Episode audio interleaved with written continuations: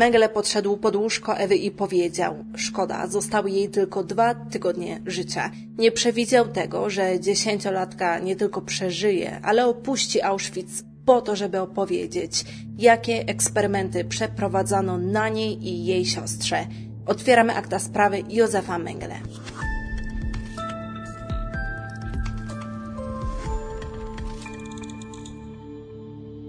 Józef Mengele nazywany jest aniołem śmierci nie bez powodu. W tym odcinku prześledzimy jego rozwój i posłuchamy, czym tak naprawdę zajmował się w niemieckim obozie koncentracyjnym w Auschwitz. Kanał zasubskrybujesz klikając na przykład w dolny prawy róg tego filmu. Dzięki temu poznasz szczegóły i ciekawostki najbardziej znanych spraw kryminalnych. Przy okazji odcinka, jeżeli chcecie pomóc ofiarom wojny na Ukrainie, bezpośredni link umożliwiający wpłaty znajdziecie pod filmem. Dziękuję Wam bardzo za każdą pomoc. To bardzo ważne. Józef Mengele urodził się 16 marca 1911 roku w Niemczech w bogatej bawarskiej rodzinie, ponieważ jego ojciec miał firmę produkującą maszynerie rolnicze. W Gutsburgu, miejscowości, w której mieszkał Józef, ta firma była jedną z najbardziej majętnych. Rodzina została opisana jako katolicka i konserwatywna, co raczej w tamtych czasach nikogo nie dziwiło. Co niedzielę młody chłopak pojawiał się z rodzicami i braćmi Karlem i Luisem na mszy i w ciągu młodzieńczych lat Józef miał kontakt ze sztuką, spędzał wolny czas przy muzyce, a poza tym był fanem szusowania po stokach. Dlatego trudno doszukać się informacji, które wskazywałyby na jakieś anomalie w jego zachowaniu w latach dziecięcych, które zwiastowałyby późniejsze zainteresowania przeprowadzaniem eksperymentów na żywych organizmach. Właśnie dlatego często się mówi o istotnym wpływie ideologii i przejściach z frontu na to, co będzie robić w Auschwitz. W liceum Józef radził sobie dobrze, ale raczej nie wyróżniał się niczym nadzwyczajnym. Inspiracja do tego, czym zajmował się w dorosłym życiu, pojawiła się dopiero na studiach, które zaczął w 1930 roku. Chociaż już w gimnazjum interesował się biologią i naukami z tego zakresu, to jednak nie miały one jeszcze w tamtym momencie nic wspólnego z nauką pod kątem ras ludzkich. Kierunki, które Józef wybrał na studiach, co pewnie nikogo nie dziwi, to medycyna i antropologia. Studiował w Monachium, Bonn i w Wilnie. Szczególnie wtedy można było zaobserwować głód wiedzy tego młodego chłopaka. Wyróżniał się na tle innych studentów pod tym względem i ponadto publikował nawet teksty w gazetach medycznych. Wszystko wskazywało na to, że przyczyni się do rozwoju nauki w dziedzinach medycyny. Ale ktokolwiek tak myślał, był w ogromnym błędzie. Tamtym okresie idee rasistowskie coraz bardziej przybierały na sile, szczególnie w Monachium i właśnie tam też studiował Mengele. Idee te przedostawały się rzecz jasna na uczelnię, na której młody student kształtował swoje poglądy.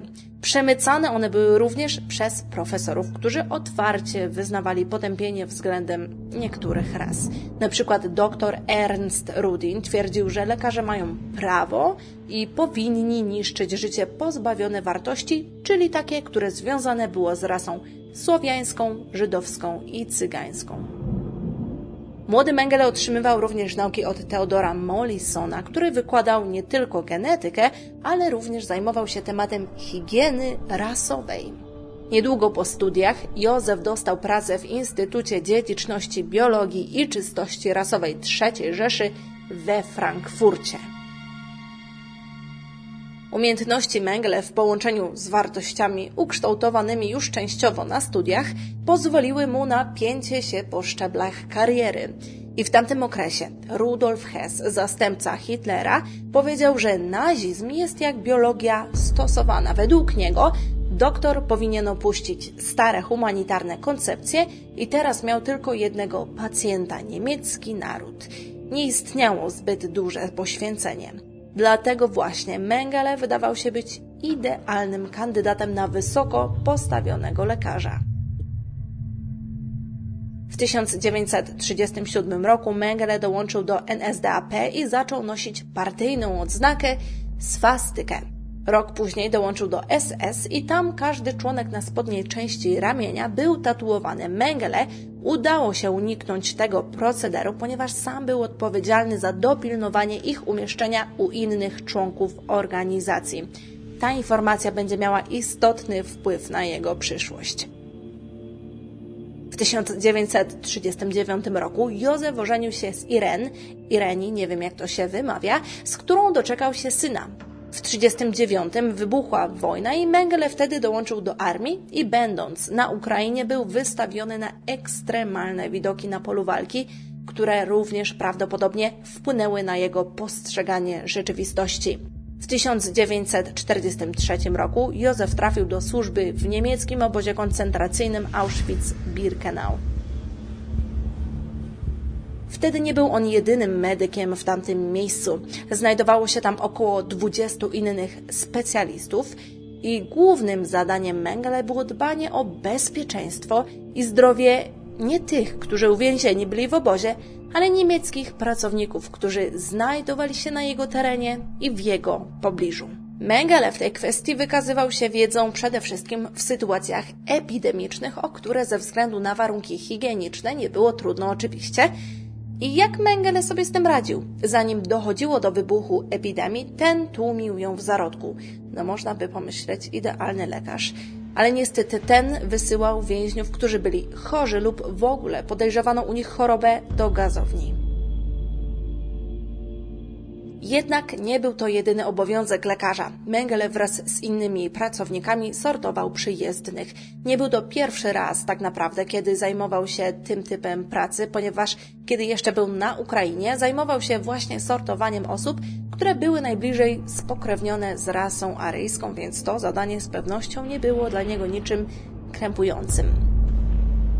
Pierwsza rampa przyjmująca ludzi przyjeżdżających pociągami znajdowała się na zewnątrz Birkenau i Mengele wraz z innymi medykami sortowali osoby, które bezpośrednio miały trafić do komór gazowych i te, które miały pracować do momentu, aż zostaną zupełnie wyeksploatowani. Następnie spotykał ich taki sam los, co poprzednio wspomnianą grupę. Ale jak się okazuje, Mengele jako osobny medyk zajmował się dodatkowym sortowaniem, które dla niektórych więźniów mogło być przekleństwem albo szansą. Lekarz sortował przyjezdnych w zależności od ich cech charakterystycznych, które mogłyby okazać się przydatne w jego badaniach. Mężczyzna oczywiście nie pracował sam dla siebie, tak naprawdę te badania przeprowadzał dla niemieckiego Instytutu Berlińskiego. Któregoś dnia do Auschwitz trafiła matka z dwójką dziesięcioletnich bliźniaczek Ewą i Miriam. Kiedy Ewa dotarła pod bramę Auschwitz, nie wiedziała za bardzo, co to za miejsce. Wiedziała jednak, że nie jest tam bezpiecznie. Wiele osób płakało, psy ujadały. Jednak wśród tego chaosu pojawił się schludnie ubrany SS-man, który zapytał jej matkę, czy są to bliźniaczki. I wtedy matka zapytała, czy jeżeli tak, to czy dobrze, czy źle. Oczywiście martwiła się o swoje córki. I SS-man skinął głową, że tak, że to dobrze. Ewa i Miriam poszły na lewo, a ich matka na prawą. To była ostatnia chwila, w której dziewczynki były z osobą, która je kochała. Przed odejściem matka szeroko wyciągnęła jeszcze ręce w stronę dzieci, mając nadzieję, że dokonała dobrego wyboru. Od tej chwili Ewa i Miriam należały do anioła śmierci, który przeprowadzał na nich swoje badania. W tych trudnych do życia warunkach Józef zdecydował, że stworzy swój mały, obozowy instytut medyczny. Do tego projektu dokonywał dodatkowych sortowań i spośród przyjezdnych wybierał pielęgniarki, lekarzy i osoby, które ogólnie były związane z medycyną, tak żeby mógł mieć swój własny personel medyczny. To oni mieli mu asystować i dokumentować działania instytutu. Do roli pielęgniarki wybrał m.in. Irenę Wiśniewską. Dziewczyna wtedy miała 17 lat i trafiła na szpital kobiecy. Dziewczyna otrzymywała wtedy nocne dyżury, żeby czuwać nad chorymi. Jednak oprócz ludzi potrzebowano również pomieszczeń, dlatego jeden z baraków został przerobiony na laboratorium. Znalazł się tam sprzęt medyczny i niezbędne przyrządy. Mengele był dość zainteresowany badaniem bliźniąt, jednak była trudność w odnajdywaniu dorosłych bliźniaków, ponieważ tacy ludzie zazwyczaj po prostu do obozu nie trafiali wspólnie. Dzieci zaś, które były przy swoich rodzicach, znacznie częściej pojawiały się parami. Przez to dr Mengele miał prawie nieskończoną ilość dziecięcych bliźniąt do badań. Ale dlaczego Mengele tak bardzo upodobał sobie badania bliźniąt? Nie był to tylko jego osobisty wymysł. W tamtym okresie chciano skupić się na zwiększeniu ilości liczby Niemców, a odkrycie tego, jak dochodzi do ciąży bliźniaczej, mogło być efektywnym rozwiązaniem tej kwestii. Chociaż w tym temacie pojawiają się sprzeczne teorie, ponieważ David Marwell, który napisał książkę o Mengele, twierdzi, że gdyby Józef był rzeczywiście tym zainteresowany, to skupiałby się bardziej na rodzicach bliźniąt, a nie na ich potomkach. Ale dobra, jak więc wyglądały takie badania? Informacje na temat tych badań znamy przede wszystkim ze zeznań osób, które same były ich uczestnikami. I też o tym opowiedziała Ewa. Kobieta wspomina, że były to różnego rodzaju badania. Czasami doktor upuszczał krew z jej ramienia lub wstrzykiwał nieznane substancje. Czasami otrzymywała parę zastrzyków w jedno ramię. Podczas ich podawania Ewa zawsze odwracała głowę w drugą stronę i czekała, aż to wszystko się skończy.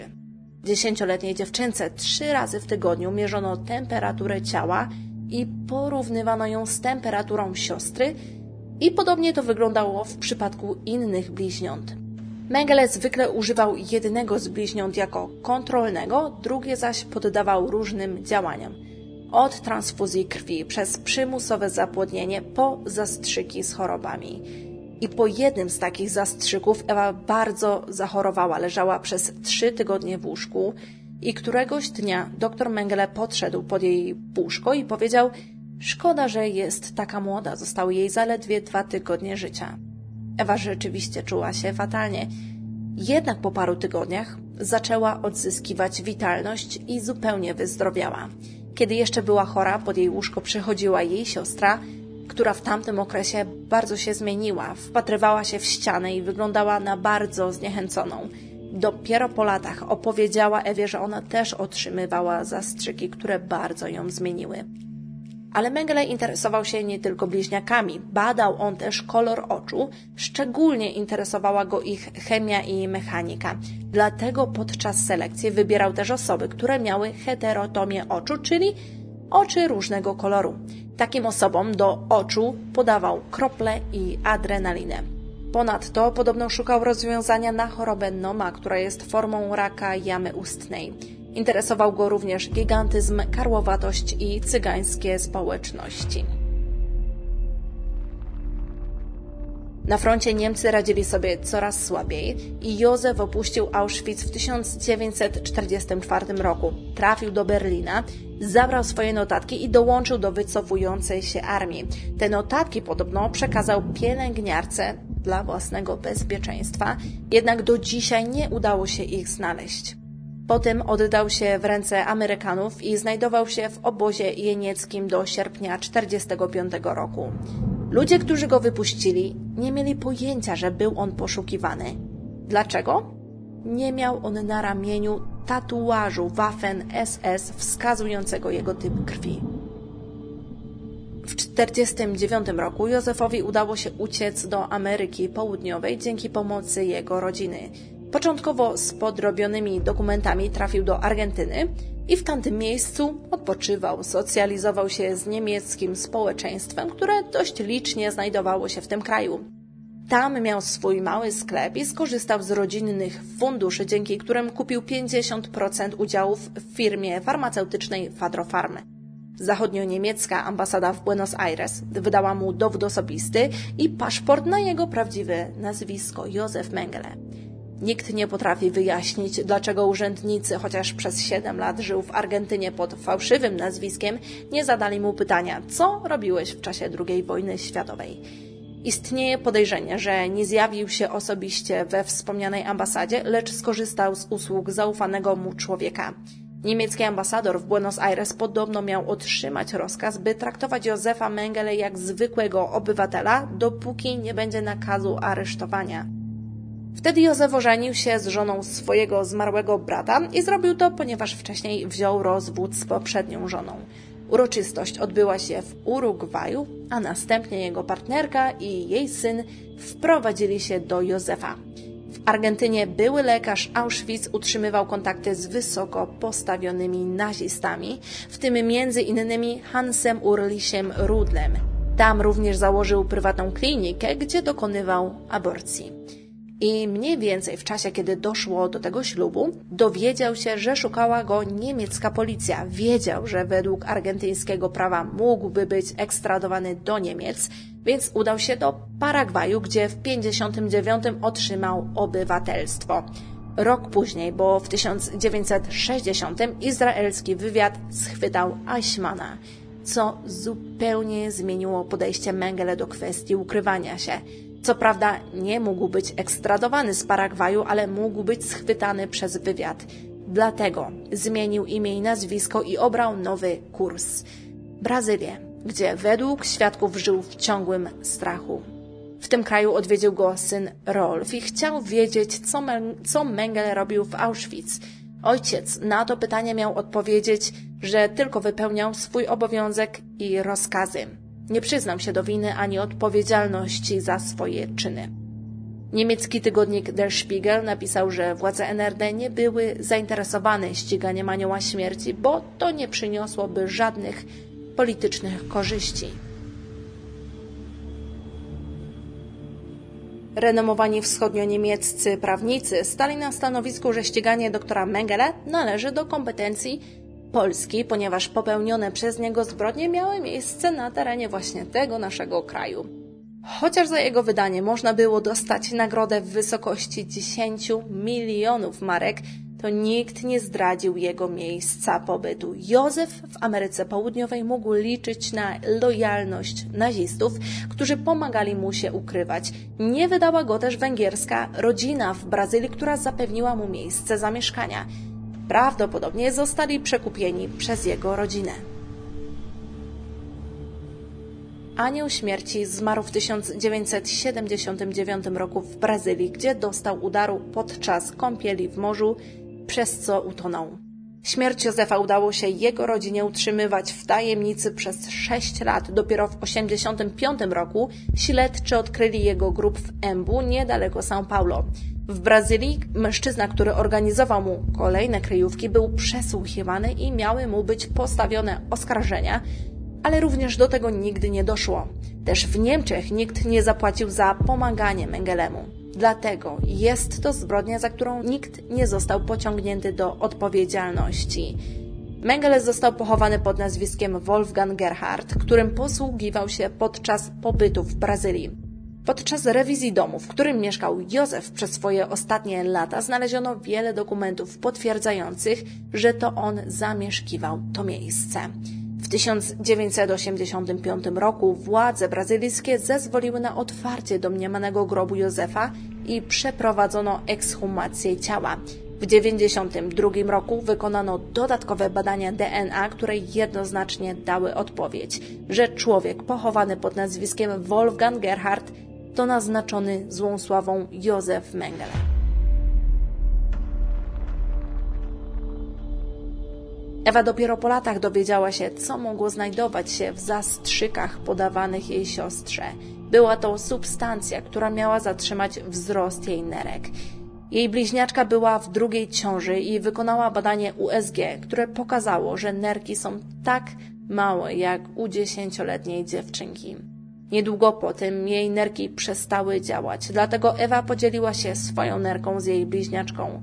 Niestety po operacji rozwinęła ona zapalenie pęcherza, w wyniku którego doszło do śmierci. Któregoś dnia ponad 50-letnia Ewa wróciła do swojego mieszkania, wzięła słownik języka niemieckiego, napisała 20 obelg i przeczytała je głośno, wyobrażając sobie, że Mengele stoi obok niej. Po tym powiedziała: Wybaczam ci. To podobno pomogło jej odzyskać siłę i wiarę w to, że to ona była silniejsza niż anioł śmierci. Dziękuję Wam bardzo za wysłuchanie tej historii. Przyznam się szczerze, że była ona dla mnie zarówno bardzo interesująca, co angażująca i myślę, że sporo się nauczyłam. Jeszcze raz wspomnę, jeżeli ktoś by akurat przesunął sobie kącik sponsorowany, możecie wesprzeć ofiarę wojny na Ukrainie przez link, który znajduje się pod filmem. Dziękuję Wam bardzo, to naprawdę wiele znaczy. Jeżeli nadal się słyszymy, to również w ramach ostatnich wydarzeń. Jeżeli oczywiście macie tylko ochotę, w komentarzu dodajcie ukraińską flagę. Myślę, że nawet ten mały gest pokaże, że jesteśmy razem z nimi. do zobaczenia w następnym odcinku. Ciao. Beijos.